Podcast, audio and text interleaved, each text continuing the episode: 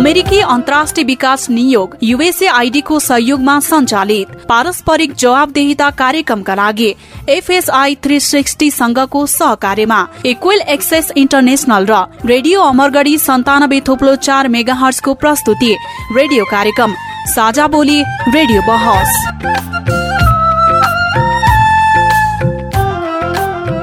नमस्कार साझा बोली रेडियो बहसमा तपाईँलाई स्वागत छ म लोकेन्द्र ओझा। साझा बोली रेडियो बहसमा हामी नागरिक समाज आम सञ्चार माध्यम र सार्वजनिक निकाय बीचको पारस्परिक जवाबदेहिता र आपसी दिगो सम्बन्धका विषयमा बहस गर्छौँ। पारस्परिक जवाबदेहिताका क्षेत्रीय सवाल र परिवेश समेटेर तयार पारेको साझा बोली रेडियो बहसको यो स्थानीय संस्करण हो। आजको साझा बोली रेडियो बहस डडेलधुरामा रहेको रेडियो अमरगढी एफएम सन्तानब्बे थुप्लो चार मेगाहसले उत्पादन गरेको छ। यो कार्यक्रम असाम जिल्लामा रहेको रेडियो जनप्रिय एक सय दुई दशमलव चार मेगाहजबाट पनि सुन्न सकिन्छ। तपाईँले हरेक हप्ता एकै समयमा यो कार्यक्रमको प्रसारण एवं पुनः प्रसारण पनि सुन्दै आउनु भएको छ। झन्डै चार वर्ष पहिलेदेखि प्रसारण भइरहेको साझा बोली यस वर्ष रेडियो बहसका रूपमा उत्पादन तथा प्रसारण भइरहेको छ। साझा बोली रेडियो बहसको आजको भागमा अबको कृषि क्षेत्रको सुधार कसरी गर्न सकिन्छ भन्ने विषयमा गम्भीरताका साथमा केही प्रश्न केही जिज्ञासाका साथै आम नागरिकको प्रतिनिधित्व गर्दै एउटा निर्णायक बहस गर्छौँ। एउटा संवादले आमूल परिवर्तन गर्दै समाज रूपान्तरण गर्न सक्छ र एउटा रेडियो टक्सोले व्यक्तिको जीवनमा ठूलो उतार चढाव ल्याउन सक्ने सामर्थ्य राख्छ। साझा बोली रेडियो कार्यक्रम अमेरिकी अन्तर्राष्ट्रिय विकास नियोग युएसए आइडी मार्फत अमेरिकी जनताहरूको सहयोगका कारण सम्भव भएको हो। यस कार्यक्रम भित्रका विषयवस्तु र सामग्री पारस्परिक जवाफदेहिता कार्यक्रमका एकल जिम्मेवारी हुन् र तिनले युएसए आइडी वा अमेरिकी सरकारको विचार प्रतिबिम्बित गर्छन् भन्ने जरुरी छैन। रेडियो कार्यक्रम साझा बोलीमा तपाईँलाई फेरि पनि स्वागत छ। कृषि क्षेत्रको सुधार कसरी गर्न सकिन्छ भन्ने सन्दर्भमा कुराकानीका लागि यतिखेर स्टुडियोमा उपस्थित भइसक्नु भएको छ। महिला अधिकार कर्मी पद्मा गुरुङ त्यसै गरी नागरिकहरूको प्रतिनिधित्व गर्दै पत्रकार टेकराज अवस्थी त्यसै गरी अमरगढी नगरपालिकाका नगर उपप्रमुख सङ्गीता भण्डारी। यहाँहरू सम्पूर्ण अतिथिज्यूलाई कार्यक्रममा स्वागत छ। थ्याङ्क यू धन्यवाद। धन्यवाद। धन्यवाद। शुभारम्भमा म उपमेयरज्यूबाट सुरु गर्छु। अब तपाईँको कार्यकाल पनि सकिएको छ। समीक्षा गर्दाखेरि स्थानीय सरकारले आफ्नो कृषि क्षेत्रलाई चाहिँ काम गर्दै गर्दाखेरि कसरी समीक्षा गर्नुहुन्छ कतिको सुधार गर्न सकियो जस्तो लाग्छ?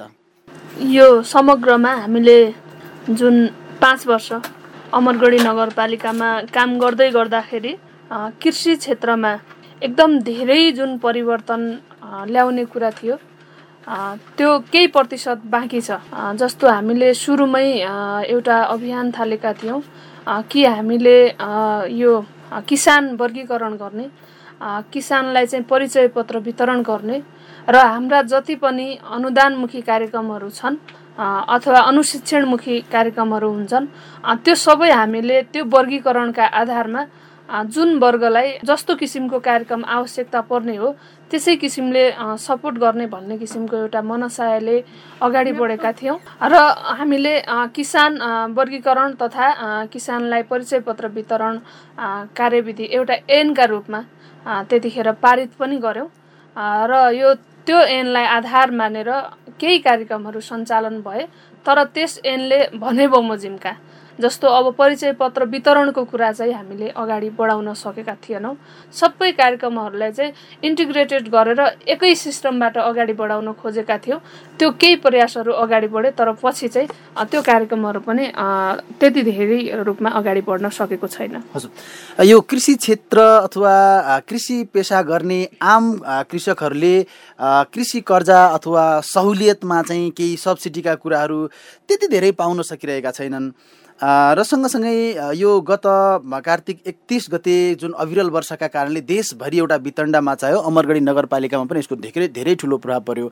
ती किसानहरूले राहत पाए कि पाएनन्? त्यो खास गरेर जुन वर्षाले गर्दाखेरि हुने क्षति थियो त्यसको केही रूपमा केही रूपमा उहाँहरूको क्षतिको जस्तो बिमा गर्नुभएको कुराहरूमा चाहिँ उहाँहरूले बिमाले बेहोर्न पर्ने कुराहरूमा हामीले सपोर्ट गरेर त्यो रिकभर गर्न सकियो। तर जुन किसिमले क्षति भयो र उहाँहरूले जुन किसिमले क्षतिपूर्ति पाउन पर्थ्यो त्यो पुरै उहाँहरूले पाउन सक्नु भएको छैन त्यसै गरी महिला अधिकार कर्मी पद्मा गुरुङज्यू हुनुहुन्छ। जस्तो स्थानीय सरकारले हामीले नगरपालिका मात्रै नभएर समग्र स्थानीय सरकारले कृषिलाई जुन स्पिडमा अगाडि बढाउनु पर्थ्यो जुन नागरिकले अपेक्षा अपेक्षा गरेका थिए त्यो अपेक्षा पुरा गरेको पाउनुहुन्छ? राम्रो किसान या मेहनती किसान या पाउनुपर्ने किसानले भन्दा पनि आफ्नो किसानले पाएको केही सुविधाहरू हामीले पाएका छौँ र अब सरकारले पनि अहिले कृषि क्षेत्रको लागि तिनदेखि पाँच प्रतिशतमा सहुलियत ऋणको व्यवस्था गरेको छ। त्यो पनि अब एउटा उद्यम दर्ता गर्नुपर्ने। उद्यम दर्ताका साथसाथै त्यसमा धितो चाहिने अब गरिब किसानहरूसँग त्यो धितो नभएको पनि अवस्था छ। त्यो एक्सेसमा पनि वास्तवमा अलिकति अलिकति हुने खाने किसान किसानहरूले मात्र मौका पाएको चाहिँ हामीले महसुस गरेका छौँ। त्यसै गरी पत्रकार टेकराज अवस्थीजी हुनुहुन्छ। यहाँले रिपोर्टिङमा जाँदा हेर्दाखेरि हिजोको अवस्थामा पनि तपाईँले रिपोर्टिङ गर्नुभएको छ र अहिलेको नयाँ संरचनामा पनि तपाईँले रिपोर्टिङ गर्नुभएको छ।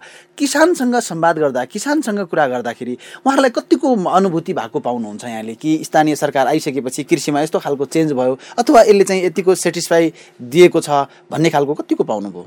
खास गरी कृषिको समीक्षा गर्दाखेरि स्थानीय तहहरूको समीक्षामा समीक्षा भन्दा पनि यसलाई विश्लेषणको रूपमा लिन्छु मैले। र विश्लेषण गर्दै गर्दाखेरि म पनि धेरै ठाउँमा जिल्लाको सातवटै स्थानीय तहका विभिन्न ठाउँमा पुगेको छु। अमरगढीको पनि धेरै ठाउँमा पुगेको छु। र जनता दुई हजार चौहत्तर सालको स्थानीय चुनाव भइसकेपछि बिस वर्षपछि जनप्रतिनिधि पाएका हुन्। त्यति बेला जति हर्षित जति उत्साहित जति आशावादी र आकाङ्क्षी थिए त्यो अनुरूप भएको मैले पनि अनुभूति गर्न सकेको छैन र किसानहरूको पनि त्यो देखिन्छ। र अब यसलाई स्थानीय तहहरूले आलोचनाको रूपमा नलिदिन म आग्रह गर्दछु। यथार्थमा त्यही हो कि स्थानीय जनताले मैले अस्ति अमरगढी नौको आठको एकजना किसानसँग कुरा गर्दाखेरि उहाँले एउटा गुनासो पोख्नुभयो आफ्नो आफ्नो मान्छेलाई योजना दिन्छन् आफ्नो आफ्नो मान्छेलाई कार्यक्रम दिन्छन् भन्ने गुनासो गर्नुभयो। वास्तवमा कृषि अमरगढी होस् या कुनै पनि स्थानीय तहले त्यहाँ कृषि शाखा छ। त्यो कृषि शाखाले के कार्यक्रम गर्दैछ भन्ने सायद पत्रकार तपाईँहरू हामी सबै पत्रकारलाई कुनै सार्वजनिक रूपमा जानकारी दिएको मैले पनि अनुभूति गरेका छैन। के कार्यक्रम गर्दैछ अथवा जनताका विषयहरू के छन् भनेर हामीले पनि उजागर गर्नुपर्ने ठाउँमा उहाँहरू आफै अपारदर्शी हुनुहुन्छ। अनि जनताको पहुँच कृषिसँग या उद्यमसँग या अरू कुनै सेवा प्रवाहसँग कसरी जोडिन्छन् यो एउटा आश्चर्यको विषय छ। र मैले यसलाई ठोस रूपमा भन्नुपर्दाखेरि साधारण किसानहरू जो सामान्य गरी खाने वर्गका किसान छन् ती किसानहरूको पहुँचमा उहाँहरूको नीति उहाँहरूको कार्यक्रम उहाँहरूको योजना पुग्न सकिरहेको छैन। हजुर। उमेर साहब जस्तो अब टेक्राजीले पनि भन्नुभयो कि अझै धेरै किसानले स्थानीय सरकारको प्रत्याभूति यहाँहरूले दिन सक्नु भएको छैन किसानलाई भन्ने कुरा। र अझै पनि राम्रो किसान भन्दा पनि हाम्रो किसान हाम्रो पार्टीको को को साथीहरू छन् ल उहाँहरूलाई चाहिँ ल दिनुहोस् है। भन्ने खाले किन स्थानीय सरकार यसरी पार्टीमा चाहिँ पार्टीकै एउटा कार्यकर्ताकै रूपमा चाहिँ प्रस्तुत भएको छ अहिले? एउटा स्थानीय सरकारमा एउटा मेयर अनि त्यसपछि उपमेयर अथवा अध्यक्ष उपाध्यक्ष हुने व्यवस्था छ। यहाँहरू सबैलाई थाहा छ।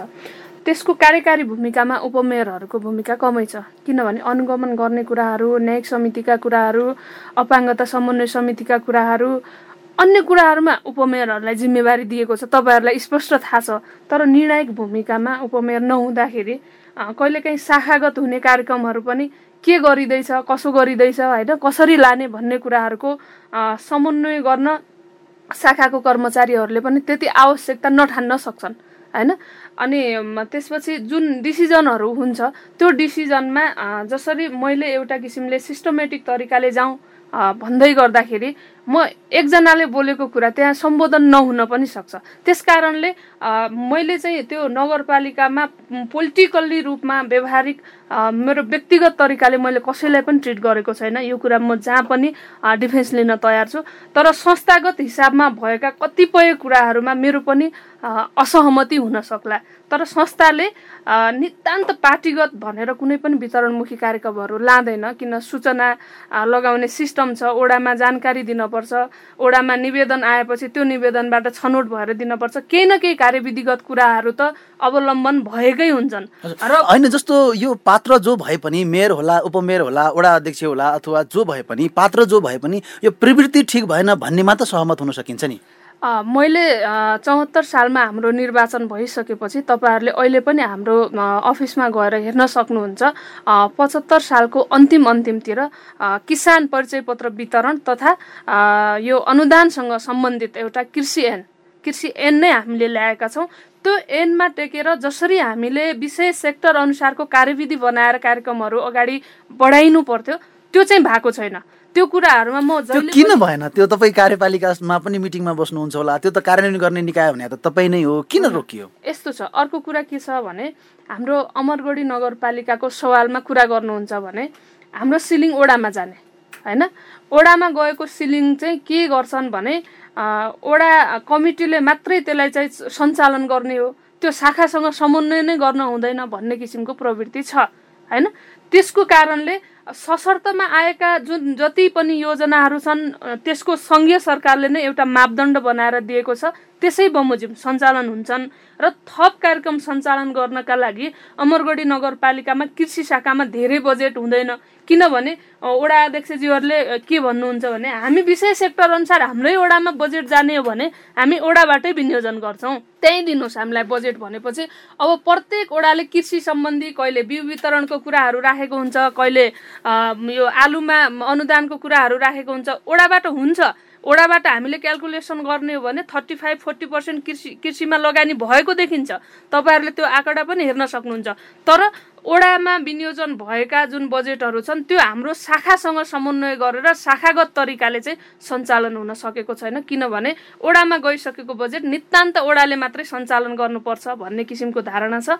र हाम्रो कृषि शाखामा यो पाँच वर्षमा उहाँहरूले स्थानीय सरकारले शाखागत रूपमा छुट्याएको बजेटमा काम गरेको भनेको त्यही दसदेखि पन्ध्र लाखमा होला। त्यसमा हामीले जस्तो आलुको चाहिँ क्षेत्र निर्धारण गर्ने आलु बिउमा अनुदान दिने कोल्ड स्टोरमा बिउ किसानहरूले राख्नुभयो भने त्यसमा अनुदान दिने त्यो काम त हामीले गरिरहेका छौँ। त्यो काम चाहिँ सिस्टमेटिक तरिकाले भइरहेको नै छ। हामी स्थानीय सरकारले गरेका गतिविधिहरूको समीक्षा गर्दै आगामी रणनीति के गर्न सकिन्छ भन्ने विषयमा चाहिँ संवाद गरिरहेका छौँ। अहिले पछिल्लो समयमा वैशाख तिस गते सरकारले मिति तय गरेको छ निर्वाचनको र झन्डै निर्वाचन आयोगले पछिल्लो समयमा झन्डै नौ अर्ब चाहिँ खर्च हुन सक्ने अनुमान गरिरहेको छ। तर जसका लागि खर्च हुँदैछ त्यो त्यो संस्था त्यो त्यो राजनीतिक संरचनाले काम गर्न सकेन भने त्यो खर्चको अर्थ र औचित्य के होला भन्ने प्रश्न एकातिर छ। पद्मा गुरुङजी हुनुहुन्छ। अब तपाईँ त गैर सरकारी संस्थामा पनि लामो समयसम्म फिल्ड भिजिट हेरिरहनुहुन्छ किसानसँग प्रत्यक्ष टचमा पनि हुनुहुन्छ। जुनसुकै पालिकामा पनि विभिन्न पालिकामा तपाईँको कार्यक्षेत्र अधिकार पनि छ। जुन पार्टीका जनप्रतिनिधिहरू छन् ती पार्टीसँग आबद्ध भएका किसानहरू छैनन् भने उनीहरूले पनि सहयोग पाएको अवस्था पाउनु भएको छ कि छैन अथवा कस्तो छ त? फिल्डमा हेर्दाखेरि। यस्तो छ अब सबै ठाउँमा नपाएको भन्ने छैन। कतिपय ठाउँमा समुदायमा जसलाई आवश्यक पर्ने हो त्यसलाई दिएको पनि अवस्था छ होइन? अब कतिपय ठाउँमा पार्टीकै कार्यकर्ताले मात्र पाएको भन्ने हामीले समुदायमा जाँदा गर्दा हामी पाउँदैनौँ भन्ने कुराहरू सुनिएको छ। र अब वास्तवमा भन्ने हो भने पाउनेको साथसाथै कतिपय ठाउँमा समुदायले के कार्यक्रम छ भन्ने कुराहरू पनि थाहा नपाएको छ। र कसरी हामीले त्यो कार्यक्रम ल्याउनुपर्छ र कसरी गर्नुपर्छ भन्ने कुराहरू पनि थाहा छैन। अब कतिपय ठाउँमा कृषिकै कुराहरू गर्ने हो भने कतिपय ठाउँमा किसान इच्छुक छन् तर त्यहाँ स्रोतहरू हुँदैन। जस्तै अब खेती किसानी गर्नको लागि त पानी चाहिन्छ सिँचाइ चाहिन्छ होइन? सिँचाइको व्यवस्थाहरू गर्नुपर्ने। अहिलेको सिँचाइको व्यवस्था गर्दाखेरि सोलर लिफ्टको कुराहरू आकाशे पानी सङ्कलनको कुराहरू विभिन्न प्रविधिहरू छन्। अब ती प्रविधिहरू नभइकन किसानहरू गर्न पनि सक्दैनन् होइन? त्यसले गर्दाखेरि अब सबै निकायमा सबै एउटै प्रतिनिधि हुन्छन् भन्ने कुरा पनि हुँदैन। र वास्तवमा अब जति राजनीति पार्टीमा जुन जुनसुकै पार्टीले जित्दा पनि उहाँ भनेको जनताको प्रतिनिधि हो र जनताको प्रतिनिधि भएका कारणले गर्दा उहाँको लागि सबै जनताहरू बराबरी हो र सबै समुदायहरू बराबरी हो। तर अहिले व्यावहारिक रूपमा हेर्दाखेरि त त्यस्तो देखिन्न नि। त्यो अलि देखिँदैन र अर्को के छ भने चाहिँ कतिपय कुराहरू नलेजमा पनि कमी देखिएको छ। सुरुमा स्थानीय सरकार बन्दाखेरि अब उहाँहरूको जति जिम्मेवारी अधिकारहरूको कुराहरू छ त्यति जिम्मेवारी उहाँहरूले नपाएको पनि अवस्था छ। वास्तवमा वडा प्रतिनिधिहरू हुन्छ वडा सदस्यहरू हुन्छ र वडामा एउटा अध्यक्षले मात्र सबै कुराहरू चलाएको हामीले अनुभव पनि गरेका छौँ। हामी त खालि सिग्नेचरी रोल हो र सिग्नेचर गरेर मात्र फर्किन्छौँ भनेर सदस्यज्यूहरूले पनि भनेको छ। वास्तवमा भन्ने भने पार्टीले टिकट दिँदाखेरि कस्तो व्यक्ति स्थानीय तहमा गयो भने त्यसले विकासलाई अगाडि बढाउन सक्छ भन्ने एउटा एउटा रणनीतिक योजना पार्टीले पनि गर्न सकेका छैनन् र पार्टीले पनि आफ्ना मान्छेलाई टिकट दिएका छन्। जसले गर्दाखेरि यो अवस्था सिर्जना भएको अवस्था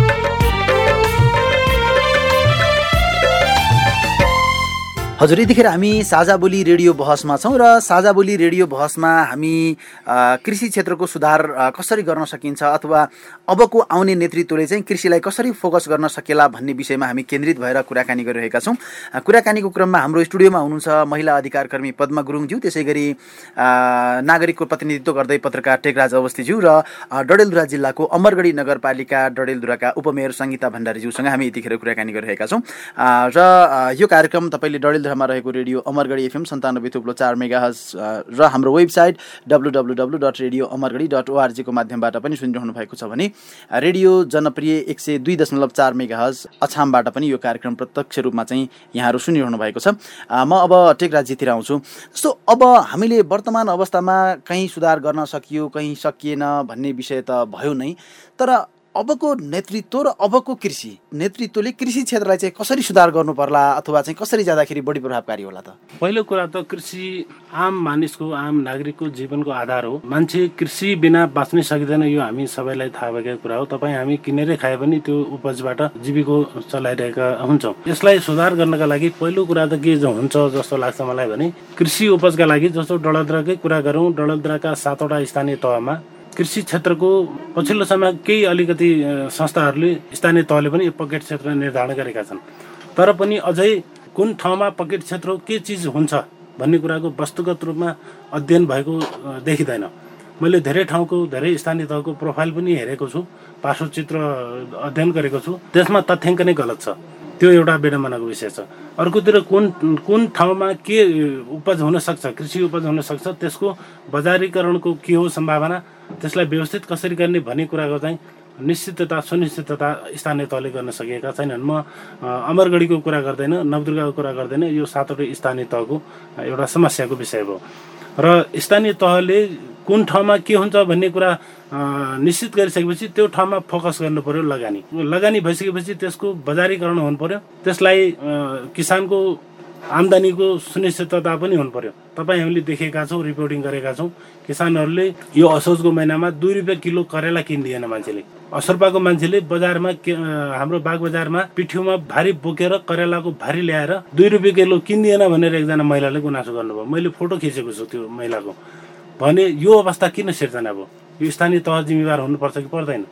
यस्ता धेरै कुराहरू छन्। यस कारणले गर्दाखेरि पहिलो कुरा पकेट क्षेत्र अथवा कुन ठाउँमा कृषिको के सम्भावना छ त्यो कुराको अध्ययन गर्नु पर्यो र त्यसमा लगानी केन्द्रित गर्नु पर्यो। त्यो एउटा सुधारको बाटो देखेको छु। जस्तो टेकराजी अब सरकारले धेरैपल्ट यो भूमि सुधार आयोगको कुराहरू अथवा भू उपयोग नीतिको कुरा पटक पटक गर्दै आउँछ र धेरै सरकार हुने बित्तिकै भूमि सम्बन्धी ऐन संशोधन गर्नुपर्छ भनेर पनि चाहिँ एउटा खालको इनिसिएसन भइरहन्छ। तर त्यसको कानुनी रूपमा चाहिँ कृषि क्षेत्रलाई सुधार गर्नका लागि त्यो कानुन लागू नभएर पनि अप्ठ्यारो परेको हो कि? नेपालमा यो भूमि सम्बन्धी समस्या राजनीतिक दलहरूको लागि भोट माग्ने एउटा एजेन्डा मात्रै बन्यो। दुई हजार एकाउन्न सालमा सुकुम्बासी आयोगदेखि दुई हजार सतहत्तरसम्म आउँदाखेरि पाँचवटा आयोग गठन भएका छन्। तर जनताले जग्गा पाएका छैनन् जनताले लाल पूर्जा पाएका छैनन्। अनि यो खालि एउटा जनतालाई रणभुल्लामा पार्ने एउटा एजेन्डा मात्रै हो र यसलाई व्यवस्थित गर्नका लागि इच्छा शक्ति नै देखिँदैन। खालि औपचारिकताका लागि भूमि समस्या समाधान आयोग भनेको छ कहिले सुकुम्बासी आयोग भनेको छ कहिले लाल पूजा दिने भनेको छ स्थानीय तहबाट चर्को कर असुल गरेर सिफारिस मागिएको छ तर त्यो सार्थक हुन सकिरहेको छैन। र यो एउटा इमान्दारतापूर्वक गर्ने हो राज्यले भने यसलाई तुरन्त चाहिँ जनताले कतिपय जनताहरूले कतिपय जनताहरूले एउटा सानो काम गर्नका लागि पनि लाल पर्दा नपाएर अरूको शरणमा पुग्नुपर्ने अवस्था छ। त्यसको पहिलो प्राथमिकतामा पर्नुपर्छ जस्तो लाग्छ। उमेर साहब जस्तो यो भर्खरै केही समय पहिले स्थानीय सरकारले तथ्याङ्क सङ्कलन गर्यो र डडेलधुरा जिल्लाका विभिन्न स्थानीय तहसँगै अमरगढी नगरपालिकाले पनि भूमि समस्या सम्बन्धी समस्या भएका नागरिकहरू समस्या समाधान गर्नुपर्छ अथवा उनीहरूको लाल पूर्जा दिनुपर्छ भनेर चाहिँ एउटा तथ्याङ्क सङ्कलन गर्नुभयो। तर तुलनात्मक रूपमा चाहिँ डडेलधुरा जिल्लाको नगरपालिकाले चाहिँ त्यसको राजस्व जुन लिनुपर्ने दर थियो त्यो धेरै बढी गर्यो अथवा पाँच हजारसम्म लियो अरू ठाउँमा चाहिँ दुई हजार पच्चिस सयमा पनि भयो भन् दुई सय ढाई सयसम्म पनि भयो भन्ने खालका समस्याहरू आएका थिए। किन यति धेरै स्थानीय सरकारले राजस्वमा मात्रै केन्द्रित भएको? त्यो राजस्व हामीले अहिले नयाँ निर्णय गरेर लागू गरेको राजस्व होइन। त्योभन्दा अगाडि पनि एकचोटि यो भूमि सम्बन्धी समस्या समाधान गर्नका लागि नगरपालिकाले निवेदन निवेदनहरू कलेक्सन गरिसकेको अवस्था हो। यो हाम्रो आर्थिक ऐनमा उहाँहरूले त्यतिखेर नै हामीले यो चौहत्तर पछाडिको कुनै पनि आर्थिक वर्षमा भूमि सम्बन्धीको त्यो जुन दर छ सिफारिस दर छ त्यसलाई बढाउने भन्ने निर्णय गरेकै छैनौँ। त्यो पुरानो थियो त्यो पुरानो यो दुई तिन वर्षहरूमा काम हुन्छ भन्ने कुरा पनि यकिन थिएन।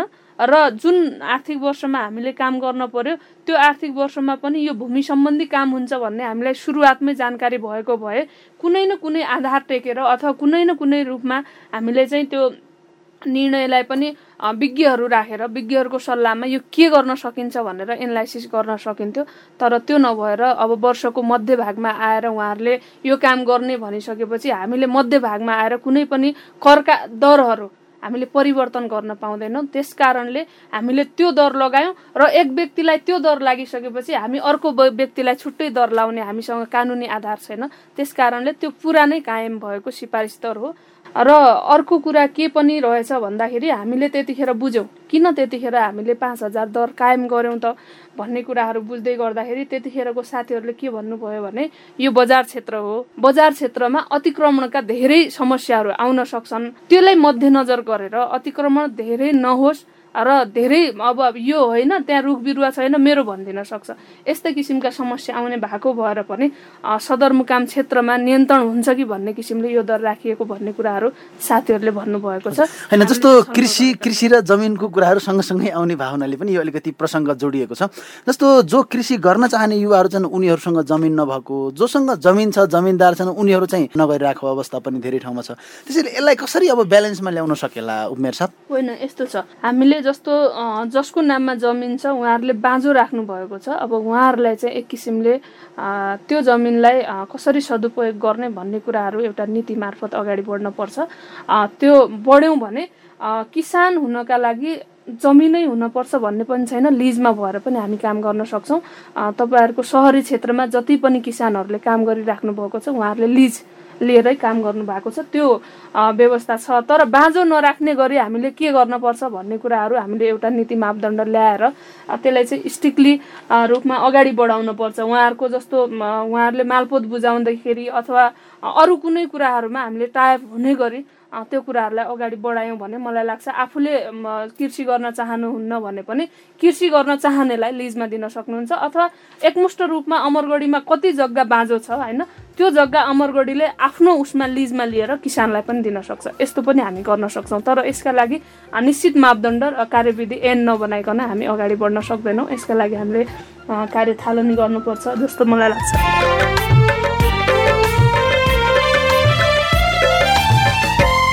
रेडियो कार्यक्रम साझा बोलीमा तपाईँ अहिले कृषि क्षेत्रको सुधार कसरी गर्न सकिन्छ भन्ने विषयमा सवाल र जवाब सुन्दै हुनुहुन्छ र यतिखेर हाम्रो स्टुडियोमा अतिथि हुनुहुन्छ महिला अधिकार कर्मी पद्मा गुरुङज्यू नागरिकहरूको प्रतिनिधित्व गर्दै पत्रकार टेकराज अवस्थीज्यू र अमरगढी नगरपालिकाका उपमेयर सङ्गीता भण्डारीज्यूसँग यतिखेर संवाद गरिरहेका छौँ। अहिले यो कार्यक्रम डडेलधुरामा रहेको अमरगढी एफएम सन्तानब्बे थुप्लो चार मेगा हज र अछाममा रहेको रेडियो जनप्रिय एक सय दुई दशमलव चार मेगा हजबाट एकैसाथ यहाँहरूले सुनिरहनु भएको छ। अझै हामी कृषि क्षेत्रको सुधार कसरी गर्न सकेला भन्ने प्रश्न एउटा अनुत्तरित नै छ किनकि कृषिमा लामो समयसम्म लागेका धेरै किसानहरूले कृषिबाट एउटा व्यावसायिक रूपमा अगाडि बढ्न सकिरहेका छैनन्। र यी विषयमा हामी कुराकानी गरिरहेका छौँ। फेरि म पद्मा गुरुङज्यूतिर आउँछु। जस्तो अबको कृषिको सम्भावना तरकारी खेतीमा तुलनात्मक रूपमा हामीले विकास भएन भनिरहँदाखेरि परिवर्तन चाहिँ गरेका छन् डडेलधुराका धेरै किसानहरूको। हामी हिजो पनि म डडेलधुराको मौरडामा गएको थिएँ। त्यहाँका धेरै किसानले व्यावसायिक रूपमा च्याउ खेती गरिरहेका छन्। गाई पालन बाख्रा पालन भैँसी पालन व्यावसायिक रूपमा चाहिँ धेरै अगाडि बढेको अवस्था पनि छ कृषि क्षेत्रमा। हामीले उत्पादनमा चाहिँ कृषिमा आत्मनिर्भर गर्नका लागि अथवा आयात प्रतिस्थापन गर्नका लागि अथवा निर्यातमुखी बन्नका लागि चाहिँ के के कुराको बढी सम्भावना यहाँले देख्नुहुन्छ? अब हाम्रो जति पनि युथ जनशक्ति छ युथ जनशक्ति चाहिँ हामी छिमेकी मुलुकहरूमा गइराखेका छन्। र वास्तवमा युवाहरू जति लाग्नुपर्ने कृषि व्यवसायमा त्यति लागेको अवस्था छैन। जसले गर्दाखेरि जग्गाहरू बाजो बनिरहने होइन बाजो कतिपयको जमिन पनि नभएको हुने जुन गर्न चाहेको छ त्यसलाई चाहिँ अब एउटा पुँजीको लगानी पनि नहुने। साथसाथै अर्को के छ भने पढे लेखेकाहरूले चाहिँ कृषि व्यवसाय गर्नु हुँदैन भन्ने एउटा हाम्रो गाउँघरको मान्यता छ। जसले गर्दाखेरि युवाहरू कृषिमा त्यति आकर्षित हुन सकेका छैनन्। र अझै हेर्ने हो भने वास्तवमा जति पनि हामीले गाउँघरमा स्थानीय निकायले त्यो पनि सोच्नुपर्ने बेला आएको छ। गाउँघरका जति पनि युवाहरू छन् युवा युवतीहरू छन् उहाँहरूलाई चाहिँ कृषि प्राविधिक कुराहरू पढाउनु पर्छ र केही समयका लागि उहाँहरूलाई निर्व्याजे लोन दिनुपर्छ। जसले गर्दाखेरि त्यो कृषि व्यवसायमा उहाँहरू सफल भइसकेपछि होइन त्यसलाई रिटर्न गर्ने कुराहरूमा पनि अगाडि बढ्नुपर्ने एउटा अवस्था हुन्छ। त्यो पद्मा गुरुङज्यू अब यहाँले एउटा कुरा गर्नुभयो कि यो पैसा रिटर्न गर्ने अथवा उनीहरूले ब्याज नतिर्ने गरी किसानलाई दिनुपर्छ भन्ने कुरा गरिरहँदाखेरि मैले अधिकांश अतिथिसँग गर्ने प्रश्न एउटै के रहन्छ भने किसानलाई हामीले जुन अनुदानकै रूपमा दिने अथवा चाहिँ पूर्ण रूपमा अनुदान दिएर पनि धेरै उद्योग कल कारखाना चाहिँ कृषि गरिरहेका छन् धेरै चाहिँ सहुलियत कर्जा लिइराखेका स्थिति छ। त्यसैले अब किसानलाई कर्जा आवश्यक हो अथवा अनुदान आवश्यक हो? अनुदान भन्नाले अहिलेसम्मको जति पनि अनुदान छ एट्टी प्रतिशत चाहिँ सबै चाहिँ वास्तवमा कृषि गर्ने भन्दा नगर्नेले लगेका छन्। छन् है। र जसका पहुँच हुनेले मात्र लगेको मैले महसुस गरेको छु। वास्तवमा भन्यो भने हामी जस्तो मान्छेले पनि त्यो अनुदान पाउन नसकेको अवस्था छ। भनेपछि जसको पहुँच छ उसले मात्र गर्न सकेको छ भने चाहिँ अनुदानको जति सदुपयोग हुनुपर्ने त्यो भएको छैन। जसले गर्दाखेरि अब चाहिने भनेको वास्तवमा लोन नै हो। लोन हो तर लोन केही वर्षको लागि तिन वर्ष पाँच वर्षको लागि निर्ब्याजमा दिने त्यसपछि उसको व्यवसाय फस्टाउँदै जाँदाखेरि तिर्ने व्यवस्था चाहिँ गरियो भने चाहिँ त्यो लोनको कुराहरू सबै एक्सेस नभएकोले पनि लिन सक्छ। र त्यो त फिर्ता गर्नुपर्ने हो। त्यसले गर्दाखेरि यस्तो कुराहरूमा चाहिँ अब लोनको व्यवस्था गर्नुपर्छ भन्ने मेरो एउटा मान्यता छ। जस्तो अहिले सरकारले अथवा राष्ट्र ब्याङ्कले पनि महिला उद्यमीका लागि पन्ध्र लाखसम्म बिना धितोमा चाहिँ दिइराखेको छ र पाँच वर्षमा उसले रिटर्न गर्ने। तपाईँले भने जस्तै पाँच वर्षमा ती महिला उद्यमीले चाहिँ रिटर्न गर्नुपर्छ भनेर कृषि कर्जा दिइराखेको छ। त्यसको प्रभाव कस्तो पाउनुहुन्छ तपाईँले? अनि होइन धेरै जसो महिला दिदीबहिनीहरूले केही बजारमा एक्सेस भएकोले लिनुभएको छ होइन? कतिपयकोले त्यो बिना धितोमा लोन लिने भन्ने कुराहरूमा पनि म आफैले पनि लोनको लागि कुरा गरेँ। केही नभए नि तपाईँको आफ्नो मान्छेको जग्गा तपाईँको नाम हाली माग्नुहोस् न तब दिन्छु भन्ने प्रश्न चाहिँ ममा पनि आएको छ। भनेपछि अब गाउँको महिलाहरूले गाउँको किसानहरूले बिना धितो चाहिँ लोन पाएका छैनन् मेरो विचारमा है? जसले गर्दाखेरि त्यो पनि पहुँच हुनेले मात्र पाएको छ। टेकराज अवस्थीज्यू जस्तो हामी कृषिको सुधारको कुरा गरिरहँदाखेरि त्यहाँ इन्भेस्टमेन्टको कुरा आउँछ प्रोडक्ट गर्नका लागि त त्यहाँ लगानी चाहियो होइन? किनकि हामी त कृषि उद्योग भनिराखेका छौँ कृषि व्यापार भनिराखेका छौँ व्यापारका लागि लगानी चाहिन्छ। त्यसैले अब राज्यले कृषिलाई उत्पादनमुखी अथवा व्यावसायिक रूपमा अगाडि बढाउनका लागि लगानीको पाटोलाई कसरी एउटा प्रभावकारी बनाउन सक्छ? पहिलो कुरा त किसानहरूमा पनि केही जाग इच्छा शक्ति हुनुपर्छ। उहाँहरूले पनि आफ्नो लगानी गर्नु पर्यो सरकारको मात्रै मुख ताकेर हुँदैन जस्तो लाग्छ मलाई। तथापि स्थानीय तहहरूले अथवा स्टेक होल्डर अरू कृषि क्षेत्रमा काम गर्ने गैर सरकारी संस्थाहरूले पनि डडलद्रामा तमाम लगानी गरेका छन्। केही आउटपुट त्यसको प्रतिफल राम्रो पनि देखिएको छ। र त्यति हुँदा हुँदै पनि अब खास गरी लगानी को कुरा गर्दाखेरि हाम्रो कोरोनाको पहिलो फेज आइसकेपछि महामारीले प्रताडित भएका भारतबाट फर्केर घर आएका किसानहरूलाई किसानका छोराछोरी अथवा उहाँहरूलाई चाहिँ होल्ड गर्न सकेन स्थानीय तहले। त्यो सकिएको भए लगानी त्यतातिर पनि फोकस हुन्थ्यो। किनभने त्यतातिर दबाब हुन्थ्यो कि हामीलाई डोनेसन गर्नु पर्यो अनुदान दिनु पर्यो हामी कृषि क्षेत्रमा काम गर्छौँ भन्ने स्थानीय तहलाई दबाब हुन्थ्यो र त्यो फोकस हुन्थ्यो होला। एकातिर त्यो पनि राज्यले अथवा स्थानीय तहले सरकारहरूले प्रदेश सरकारले सबैले सुनिश्चित गर्न सकेनन्। र उहाँले हाम्रो महिला अधिकार कर्मी पद्मा भाउजूले भने जस्तै कमभन्दा कम ब्याज दरमा अनुदान होस् या ऋण होस् त्यो दिएर किसानहरूलाई आकर्षित गर्न सक्यो र उहाँहरूलाई प्रभावकारी रूपमा यो काम गर्नै पर्छ भनेर उहाँहरूलाई अलिकति ठोस रूपमा गाइड गर्ने हो भने। उहाँहरूलाई प्राविधिक सहयोग पनि गर्नु पर्यो। कतिपय किसानहरूले प्राविधिक ज्ञानका अभावले पनि एक वर्ष गर्ने त्यसपछि गएर हतोत्साहित हुने अवस्था छ। उहाँहरूलाई तिन चार वर्ष पाँच वर्ष जति गाइड गर्ने फोकस गर्ने पनि गर्नु पर्यो।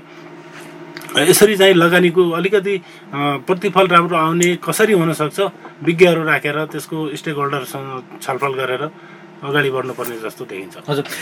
उपमेयरजी हुनुहुन्छ। धेरै एनजिओ आइएनजिओले गरेका गतिविधिहरू पनि हामीले रिपोर्टिङ गरिरहँदाखेरि अनुदानको त्यति धेरै प्रभावकारी भएको स्थिति देखिन्न। स्थानीय सरकारले पनि मलाई लाग्छ साठी सत्तरी लाखको हाराहारीमा कृषि क्षेत्रमा यहाँले खर्च गरिरहनुहुन्छ। तर स्थानीय सरकारले आफ्नो कार्यक्षेत्रभित्र रहेका कुनै संस्थासँग कोलाबोरेसन गरेर अथवा जस्तो कोअपरेटिभहरू हुन सक्छ त्यहाँ एग्रिकल्चर सेक्टरमा काम गर्ने उनीहरूसँग डाइरेक्टली फन्ड चाहिँ संस्थामा दिएर संस्थालाई त्यहाँ चाहिँ लगानी गरेर लगाएर उनीहरूको चाहिँ सेन्सर गर्ने अथवा चाहिँ सहकारीलाई नियन्त्रण गर्ने अधिकार पनि त स्थानीय सरकारसँग छ। त्यसैले यसलाई चाहिँ अलिकति संस्थागत रूपमा हामीले बनाउन सकेनौँ कि जस्तो केही महसुस गर्नुहुन्छ? जस्तो अब अनुदानको कुराहरूमा अनुदान पाएर काम गर्ने भन्दा अनुदान खाने मनसायले धेरै अनुदानहरू अहिले दुरुपयोग भएको कुरा त्यो चाहे इन्ता स्थानीय सरकारबाट होस् चाहे ओडाबाट होस् चाहे प्रदेशबाट होस् चाहे केन्द्रबाट होस् हाम्रो इन्टिग्रेटेड सिस्टम छैन। एकजनाले ओडाबाट सेवा लिने बित्तिकै त्यो रेकर्ड केन्द्र सरकारसँग पुग्ने यदि सिस्टम हुन्थ्यो भने त्यसले यो अनुदानको दुरुपयोग गर्न पाउँदैनथ्यो त्यो सिस्टम हामीसँग नभएका कारणले एक व्यक्तिले चार पाँचवटा ठाउँबाट एउटै योजनालाई देखाएर अनुदान लिएको अवस्था छ। अब त्यसलाई हामीले हाम्रा ढड्डाहरू कति बोकेर त्यसलाई चाहिँ अब मिलाउन जानु होइन त्यो सम्भव पनि छैन। र सरकारले यो इन्टिग्रेटेड सिस्टम अगाडि नबढाएसम्म यो समस्या रहिरहन्छ। यो समस्या हिजो पनि थियो। निर्वाचन भएपछि आएको समस्या होइन। यो निर्वाचन नहुँदैदेखि जडा गाडेर बसेको समस्या हो। त्यसकारण हुन त यसले तपाईँहरू जस्तो राजनीति गर्नेहरूका लागि सहज पनि भएको होला नि किनकि मतदाताहरूसँग जसरी तपाईँ फिल्डमा भोट माग्दै जानुहुन्छ त्यतिखेर ल तपाईँलाई म पानीका पाइपहरू दिउँला अथवा चाहिँ पोली हाउसहरू हालिदिउँला भनेर केही प्रतिबद्धता गरेको पुरा गर्न पनि त सजिलो भयो होला नि। होइन। तपाईँले नितान्त एउटा उपमेयर सङ्गीता भण्डारीको कुरा गर्नुहुन्छ भने मैले कुनै पनि योजनालाई अहिलेसम्म भोटसँग साँटेको छैन। तपाईँले एकजनालाई पनि मैले यो गरिदिन्छु मलाई भोट दिनुहोस् अथवा मेरो पार्टी सहयोग गर्नुहोस् भनेर मैले भनेको छैन। किनभने म जुन दिन उपमेयरमा निर्वाचित भएँ त्यो दिन म जनताको उपमेयर हो सबैको उपमेयर हो सबैलाई मैले समान व्यवहार गर्नुपर्छ र जुन दिन म राजनीतिक एजेन्डा लगेर निर्वाचनमा जाउँला त्यो दिन म आफ्नो पार्टीको झन्डा बोकेर जाउँला। त्योभन्दा अगाडि पछाडि म सबैको उपमेयर हो त्यो कुरा चाहिँ म स्पष्ट गर्न चाहन्छु। र सँगसँगै तपाईँले भनेको कुरा जस्तो यो वर्ष पनि हामीले मैले के गरेँ भन्दाखेरि मेडपा कार्यक्रम हामीसँग चलेको छ त्यसले बाख्रा पालन कुखुरा पालनसँग सम्बन्धित विभिन्न तालिमहरू सञ्चालन गर्छ। त्यो तालिम सञ्चालन गरिसकेपछि त्यो तालिम लिएका व्यक्तिलाई कम्तीमा हामीले ब्याजमा अनुदान दिउँ न त सहुलियत ब्याज छँदैछ सहुलियत ब्याजमा हामी अनुदान दिउँ। भनेर हामीले मैले हाम्रो उद्यम स्थापना कार्यक्रमबाट सात लाख रुपियाँ ब्याजमा अनुदान भन्ने शीर्षक राखेँ। त्यो राखिसकेपछि मैले हाम्रो शाखालाई ल ब्याङ्कहरूसँग कोलाबोरेसन गर्नुहोस् यसको सन्दर्भमा। कुन ब्याङ्कले यो सात लाख रुपियाँ लगेर हाम्रो किसानलाई सहायता गर्न सक्छ भनेको सात दिने सूचना निकाल्दा पनि कुनै एउटा ब्याङ्कले एउटा सहकारी संस्थाले इन्ट्रेस्ट देखाउनु भएन। त्यो भइसकेपछि अहिले अन्तिम आवरमा आएर त्यो शीर्षक चेन्ज गर्नुपर्ने अवस्था आयो कि? किनभने हामीले चाहिरहेका छौँ। सुरुदेखिको जो तपाईँले भनेको कुराहरू छ जस्तो हामीले किसान वर्गीकरण गर्न सकेको भए परिचय पत्र वितरण गर्न सकेको भए अनि अनुदानको एउटा मापदण्ड बनाउन सकेको भए होइन? अनि त्यसै अनुसारमा हामीले मात्रै अनुदान दिन सकेको भए यो कुराहरू आउँथेन। अहिले जस्तो तपाईँले यो सकेको भए त्यो सकेको भए भनिरहँदाखेरि सक्ने चाहिँ कसले? सक्ने ठाउँमा त तपाईँहरू हुनुहुन्छ नि। सक्ने हामीले सक्ने हामीले। तर हाम्रो नीति मापदण्डमा आधारित भएर जस्तो तपाईँलाई म एउटा उदाहरण दिन चाहन्छु मैले कुनै विरोध गरेको होइन। प्रदेश सरकारले कोरोनाबाट प्रभावित भएका किसानहरूलाई अनुदान दिने भन्ने कार्यक्रम चा चार पाँचवटादेखि आठ दसवटा सेक्टरमा उहाँहरूले अनुदान दिनुभयो होइन।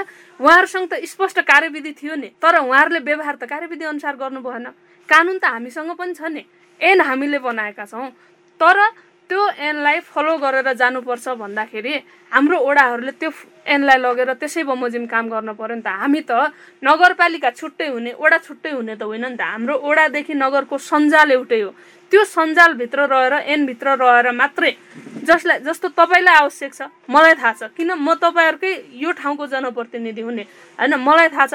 तर म के गर्छु भने तपाईँलाई भन्दा अर्कोलाई प्राथमिकता दिन्छु भने कानुन बनेर पनि के गर्नु? नेपालमा कानुन त छ नि। नेपालमा कानुनको कमी छैन। जस्तो डडेलधुरा जिल्ला सदरमुकामै अहिले पनि तरकारी बेच्नेहरूका लागि तरकारी बजार व्यवस्थित हुन सकेन अथवा अब बजारको प्रसङ्ग त हामी अन्य फ्लोरहरूमा पनि कुरा गरौँला तर आज हामी तरकारी अथवा हामी कृषि क्षेत्रको कुरा गरिराखेका छौँ। हिजोको दिनमा हाट बजार कुनै समयमा डडेलधुरामा चलेको थियो। त्यसले स्थानीय किसानको प्रडक्ट चाहिँ मार्केटिङ गर्न सजिलो हुन्थ्यो। यो त स्थानीय सरकारको कार्यक्षेत्र अधिकारभित्र पनि पर्थ्यो। हामीले यी सानसाना कुराहरूलाई चाहिँ किन सुधार गर्न सकेनौँ? अब समग्र रूपमा म पनि दोषी छु त्यो भित्र त्यो भित्रको एउटा सदस्य भएको कारणले म पनि दोषी छु। तर कृषि बजारमा म एक वर्ष जति त्यो बजार व्यवस्थापनको समितिमा संयोजक भए त्यो भइसकेपछि हाम्रो उद्योग वाणिज्य सङ्घसँग बिस वर्ष त्योभन्दा पहिला नै भएको एउटा एग्रिमेन्ट थियो। त्यो अनुसार हाम्रो त्यतिखेर टेक विष्टजी हाम्रो कृषि शाखामा हुँदाखेरि हामीले पहल गऱ्यौँ कि जुन त्यो पुरानो बजारको एग्रिमेन्ट अनुसार उद्योग वाणिज्य सङ्घको पुरै त्यो आँगनको भागदेखि लिएर सबै उसमा मर्मत गरेर हामीले साठीवटा सटर त्यहाँ आउँछ र लोड अनलोड गर्ने ठाउँ पनि पर्याप्त हुन्छ भन्ने किसिमले हामीले डिजाइन गऱ्यौँ हामीले प्रदेश सरकारसँग माग गऱ्यौँ। तर प्रदेश सरकारसँग माग गरिसकेपछि त्यो बजार त्यहाँ बन्न नदिनका लागि विभिन्न तत्त्वहरू सक्रिय भयो र त्यो बजार बनेन। त्यसपछि मैले नैतिकताका हिसाबमा मैले यो समितिमा काम गर्दिनँ भनेर मैले राजीनामा दिएपछि मैले कृषि बजारको कुनै पनि बजेट आएको कुराहरूदेखि लिएर अरू कुरामा म सहभागी छैन। हामी कृषिको सुधारको कुरा गरिरहँदाखेरि त्यहाँ कानुनको कुरा पनि आउँछ त्यहाँ भूमिको कुरा पनि आउँछ त्यहाँ दक्ष जनशक्तिको कुरा पनि आउँछ र बजारीकरणको कुरा पनि आउँछ। र अहिले इन्डियाबाट सहजै तरकारी नेपालमा आउँछ र गाउँ गाउँमा इन्डियाबाट प्रशस्त विषादी हालिएको तरकारी गाउँ गाउँसम्म पुगेको छ। हाम्रा सडकहरू इन्डियाको तरकारी ल्याउने ढुवानी गर्ने माध्यम बनिदिएको स्थिति छ। त्यसैले अब हाम्रा किसानहरूलाई चाहिँ उत्पादनमुखी कसरी बनाउन सकिन्छ र व्यावसायिक रूपमा चाहिँ किसानको चाहिँ कस्ट अफ प्रडक्टको कुराहरू अथवा लागत मूल्यको कुरा चाहिँ कसरी जानकारी दिन सकिन्छ होला? वास्तवमा डडेलधुराको हामी तरकारी खेती पनि गरिरहेछौँ कृषितिर पनि अगाडि बढिरहेछौँ हाम्रो तरकारी बाहिर पनि गइरहेछ नगएको चाहिँ होइन। तर अझै अध्ययन हुन सकेको छैन कि वास्तवमा डडेलधुराले कति तरकारी उत्पादन गर्न सक्छ र कति कृषिका कुराहरू उत्पादन गर्न सक्छ र कुन मार्केटमा लग्दाखेरि भेल्यु पाउँछ भन्ने कुराहरू कुन मार्केटले डिमान्ड गरेको छ भन्ने कुराहरू एउटा अध्ययन भएको छैन। अर्को के हो भने चाहिँ वास्तवमा उत्पादन गर्ने किसान हुन्। तर तेरो व्यवस्थापन गर्ने भनेको त सरकार हो नि त। अब एउटा किसानले उत्पादन पनि गर्ने एउटा किसानले बा मार्केटमा पनि लग्ने कुराहरू त हुँदैन। त्यसले गर्दाखेरि मार्केट व्यवस्थापन गर्ने कुराहरू चाहिँ सरकारले जिम्मा चाहिँ लिनुपर्छ। मार्केटमा सरकारको उत्पादन गर्ने गाई पालन गर्ने भैँसी पालन गर्ने त्यसलाई उत्पादन गर्ने कुरा मात्र किसानको हो। र त्यो कुराहरूमा पनि सरकारले अनुदान दिएको थियो। जसले गर्दाखेरि त्यो पुगेको छ। र अहिले अमूल्यले चाहिँ सरकारको जति पनि मार्केट व्यवस्थापनको लागि ऋण लिएको थियो या सरकारले लगानी गरेको थियो त्यो बिस्तारै तिर्दै आफ्नै कम्पनीको रूपमा गर्यो। त्यो मात्र होइन त्यहाँको मल भन्ने छ एउटा एउटा सहकारी संस्थाले मार्केट गरेको छ उसले एसियाभरि गर्छ। त्यसमा पनि सरकारको लगानी भनेको फिफ्टी वान प्रतिशत लगानी छ मार्केटमा भनेपछि अब त्यस्तो कुराहरूमा चाहिँ जति पनि देशमा छन् सरकारको लगानी नै छ कि मार्केटको भन्ने चाहिँ अब हाम्रो नेपालमा सरकारको मार्केटमा कुनै लगानी पनि छैन र हाम्रै जनताहरू पनि यहाँको तरकारी भन्दा इन्डियाको तरकारी सस्तो इन्डियाको आलु सस्तो भन्ने कुराहरू हामी पनि हेरिराखेका हुन्छौँ। म यही प्रसङ्ग गर्दै थिएँ यहाँले जवाफमा पनि दिनुभयो। जस्तो इन्डियाबाट दस रुपियाँमा चाहिँ हाम्रो डडेलधुरामा आलु आउँछ तर हाम्रो किसानको आलु पचास रुपियाँ केजी बजारमा पुर्याउन सकिरहेको छैन। र पनि किसानले के भन्छ यो यो त साल त मैले दर रेटै पाएन भन्ने खालको छ। त्यसैले उहाँहरू इन्डियाबाट त्यत्रो यातायातको कष्ट तिरेर ती व्यापारीले यहाँ दसमा दिएर किसान उपभोक्ता कहाँ चाहिँ दसमा पुगिरहेको छ त्यो? तर हामीले बेच्दाखेरि हामीले पचास रुपियाँ पाएर साठी रुपियाँ पाएर पनि हामीले रेटै पाएनौँ भनिरहेको छ। यो कहाँनिर ग्याप भइरहेको छ। ग्याप भनेको मार्केटको नै हो। अब उहाँ के हुन्छ किसानले उत्पादन गर्छ किसानको दैलाबाट सरकारले लगेको हुन्छ। त्यसको बजारमा भन्यो भने सबै किसानको एकैचोटि मार्केटमा लग्दाखेरि त्यहीको ला ट्रान्सपोर्ट लागेट चाहिँ एकदमै कम पर्छ। हाम्रो के छ भने प्रत्येक व्यक्ति त्यो गाडी भाडा तिरेर बजार पुगिराखेको हुन्छ। उहीको उत्पादन भन्दा पनि उसको गाडी भाडा ट्रान्सपोर्टेसन बढिराखेको हुन्छ होइन। जसले गर्दाखेरि लागत पाएनौँ भन्ने खालको छ। एउटा हाम्रो किसानहरूको युनिटी भएर त्यही उत्पादन चाहिँ एउटा कलेक्सन सेन्टर बनाएर त्यही लिने हो भने चाहिँ जस्तै दसवटा किसानको आलु एकै ठाउँबाट एउटा गाडीले बोक्नु र एउटा किसानको आलु एउटा किसानले एउटा एउटा किसानले ल्याएर आउनुमा गाडी हायर गर्नुमा त फरक छ नि त। जसले गर्दाखेरि उहाँहरू लगानी हाम्रो चाहिँ बढी भयो भन्ने कुराहरू छ। अर्को के छ भने लागत इस्टमिट चाहिँ कति पढेको हो भन्ने कुराहरू थाहा छैन। गत साल हामीले साठी रुपियाँ पाएको थियौँ यो साल तिस रुपियाँ पायो तर पनि फाइदा छ भन्ने हुँदैन। गतको साठी थियो साठी नै पाउनुपर्छ भन्ने किसानको पनि माइन्ड मेकअप भएको छ। जसले गर्दाखेरि यस्तो कुराहरूमा पनि अब हामीले उहाँहरूको व्यवसाय योजना बनाउँदाखेरि उहाँको लागतको इस्टिमेट गर्ने कुराहरू लागतलाई डकुमेन्टेसन होइन अभिलेखीकरण गर्ने कुराहरू हाम्रो किसानहरू जति पनि गर्छौँ अभिलेखीकरण गर्ने कुराहरू पनि हुँदैन। हामी कार्यक्रमको निकै अन्ततिर पनि आइपुगेका छौँ। टेक्राजी हुनुहुन्छ। अब एकातिर हामीले उत्पादन एउटा सङ्कलन एउटा र बजारीकरण गर्ने एउटा तिनवटा चाहिँ पिलर भयो भने चाहिँ हाम्रो कृषिलाई सुधार गर्न सकिन्छ भनेर एकातिर भन्छौँ। अर्कोतिर होइन बिचौलियाहरूले मनपरी ढङ्गबाट पैसा लियो है अब किसानहरू मार्कामा छन् भन्ने न्युजहरू पनि हामीले नै लेख्नुपर्ने स्थिति छ। त्यसो भए हुनाले अब यो क्षेत्रलाई कसरी व्यवस्थित गर्न सकिन्छ?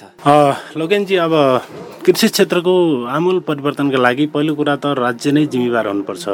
राज्यको हाम्रा तिनवटा संरचना छन् सङ्घीय सरकार प्रदेश सरकार र स्थानीय सरकार। र हाम्रा तिनवटै संरचना तिनवटै संरचना राज्यका संरचनाहरूले काम गर्ने समन्वय समन्वयात्मक रूपले काम गर्ने एउटा निकाय अझै पनि बनेको छैन। जस्तो कृषिको कुरा गर्दाखेरि तिन तहको हाम्रो निकाय छ एउटा कृषिलाई प्रमोसन गर्नका लागि प्रवर्धन गर्नका लागि सहयोग गरिरहेछ। अर्कोतिर किसान छ। पहिलो निकाय भनेको स्थानीय सरकार पनि हुन सक्छ या त्यस्ता परियोजनाहरू हुन सक्छन् राज्यका विभिन्न निकायहरू छन्। दोस्रो कुरा किसान छ। तेस्रो कुरा कृषिको कृषि व्यवसाय गर्ने जसलाई आम रूपमा बिचौलिया भनेर भनिन्छ। तर बिचौलियाको पनि एउटा परिभाषा गलत हो भन्ने लाग्छ मलाई। किनभने अहिले किसानले जति पनि उत्पादन गरिरहेछ त्यो उत्पादन गरेको आलु अथवा काउली कुनै पनि कृषि उपजलाई हामी उपभोक्तासम्म नपुर्याउने हो भने कतिसम्म उहाँहरूको उत्पादनले परिणाम देला? यो पनि सोच्नु जरुरी छ। अब डडलतरा धेरै कुरामा व्यवस्थित हुन सकेका छैन। अझै पनि तरकारी बजार व्यवस्था व्यवस्थापन हुन सकेका छैन हाट बजारको व्यवस्थापन हुन सकेका छैन यहाँको कृषिको उपजलाई बारीबाट बजारसम्म पुर्याउने एउटा आधिकारिक निकाय पनि छैन। जस्तो यसमा दुई तिनवटा हात हुनुपर्छ जस्तो लाग्छ। एउटा गुणस्तर प्रविधि जुन निकाय छ त्यसले पनि आलु अथवा कुनै पनि तरकारी गुणस्तरीय छ कि छैन बिउ गुणस्तरीय छ कि छैन हामी कति विषादी खाइरहेछौँ कति विषादी प्रयोग गरिरहेछौँ भन्ने यसको पनि ग्रास रुटसम्म गइरहेको अवस्था छैन। र त्यो चिज बजारमा आइसकेपछि कति मूल्यमा बेच्नु पर्ला अघि पद्मा म्याडमले भने जस्तै त्यसको लागत के हो? वास्तवमै किसान अन्यायमा छन् वा अतिरञ्जित भएर त्यो मूल्य दर कायम गरिएको छ? त्यसले प्रत्यक्ष रूपमा उपभोक्तालाई पनि मार परेको हुनसक्छ किनभने गत वर्ष हामीले तिस रुपियाँ किलो आलु किन्यौँ भने यस वर्ष साठी सत्री कसरी भयो? यो त अनपेक्षित रूपमा बढेको कुरालाई त सहजै स्वीकार गर्न सकिँदैन। यो कुरामा पनि मलाई लाग्छ स्थानीय तह ले बढी जिम्मेवार हुनुपर्छ जस्तो लाग्छ। अझ म एउटा स्थानीय तहलाई दोष दिँदैन। डडलतिरका सातवटै स्थानीय तहले एउटा साझा एउटा एजेन्डा लिएर साझा एउटा निकाय आधिकारिक निकाय गठन गरेर त्यसको कार्यान्वयन गर्नुपर्छ जस्तो मलाई लाग्यो। हस् हुन्छ। अन्तमा पद्मा गुरुङजी हुनुहुन्छ। अन्तमा चाहिँ यसलाई सुधार गर्न एक दुई तिनमा जस्तो उहाँले भन्नुभयो एक दुई तिनमा चाहिँ यो यो गर्नुपर्छ भन्ने जस्तै। के गर्नु पर्ला यसलाई सुधार गर्न फर्स्ट त अब जिल्लाको नै एउटा योजना बन्नुपर्छ र पकेट क्षेत्र अनुसार उत्पादनहरू गरिनुपर्छ र त्यसको चाहिँ एउटा मार्केट भेल्यु चेन अनुसार मार्केटको नेटवर्क तयार गरिनुपर्छ र राज्यले वास्तवमा जति पनि किसानहरू युवा पुस्ताहरूलाई कृषि व्यवसायतिर ल एउटा आकर्षित गर्ने योजना ल्याउनु पर्दछ। साथसाथै हेर्ने हो भने सिँचाइका सुविधाहरूलाई चाहिँ धेरैभन्दा धेरै बढाउनु पर्दछ। साथसाथै अब महिलाको मात्र जिम्मेवारी हो कृषि क्षेत्र भन्ने कुराहरू छ।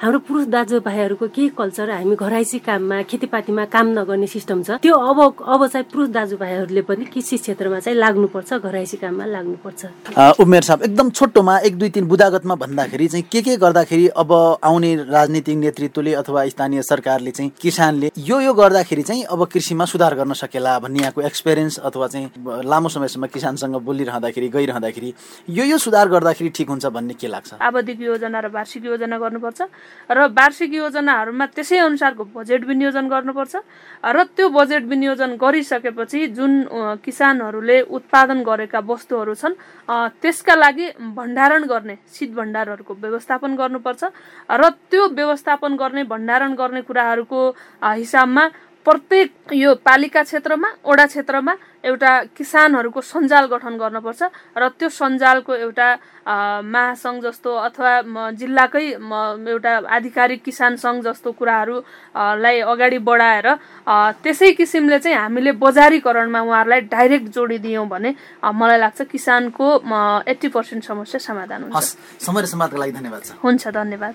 धन्यवाद यहाँहरूलाई। थ्याङ्क यू धन्यवाद लोकेनजी। हामी साझा बोली रेडियो बहसको अन्तमा आइपुगेका छौँ र साझा बोली रेडियो बहसबारे मनका कुरा भन्नका लागि एनटिसीको मोबाइल वा ल्यान्डलाइन फोन प्रयोग गर्नुहुन्छ भने सोह्र साठी शून्य एक शून्य शून्य चार पाँच नौमा फोन गर्न सक्नुहुन्छ। एनसेल प्रयोग गर्नुहुन्छ भने अन्ठानब्बे शून्य पन्ध्र एकहत्तर शून्य दुई नौमा फोन गर्नुहोला। यी नम्बरमा फोन गरेको पैसा लाग्दैन र प्राप्त निर्देशन अनुसार प्रश्न सोध्न सकिन्छ। पारस्परिक जवाबदेहिता बारे आफूले देखे सुने या भोगेका कुराहरू लेख मार्फत व्यक्त गर्न चाहनुहुन्छ वा अरूको लेखहरू पढ्न चाहनुहुन्छ भने W W W dot Mero report dot नेटमा पनि लगइन गर्न सक्नुहुन्छ। साझा रेडियो बहस तपाईँले मेरो रिपोर्ट वेबसाइट पडकास्ट च्यानल सामाजिक सञ्जाल र रेडियो अमरगढीको online TV Amargadhi online TV YouTube च्यानलमा पनि सुन्न सक्नुहुन्छ। हवस् त आजको साझा बोली रेडियो बहसबाट अब विदा हुने बेला भइसकेको छ। आजको कार्यक्रममा हामीसँग अतिथि हुनुहुन्थ्यो डडेलधुरा जिल्लाको अमरगढी नगरपालिकाका नगर उपप्रमुख सङ्गीता भण्डारी महिला अधिकार कर्मी पद्मा गुरुङ र आम सञ्चार माध्यमको प्रतिनिधित्व गर्दै पत्रकार टेकराज अवस्थीज्यूसँग यतिन्जेलसम्म हामीले कुराकानी गर्यौँ साझा बोली रेडियो बहस डडेलधुरामा रहेको रेडियो अमरगढी एफएम सन्तानब्बे थुप्लो चार मेगाहज र अछाम जिल्लामा रहेको रेडियो जनप्रिय एक सय दुई दशमलव चार मेगाहजबाट यतिन्जेलसम्म सुनेर साथ दिनुहुने सबै श्रोतालाई धेरै धेरै धन्यवाद। प्राविधिक साथी तर्कराज भट्टसँगै म लोकेन्द्र ओझा पनि साझा बोलीबाट आज्ञा चाहन्छौ। हवस् त नमस्कार.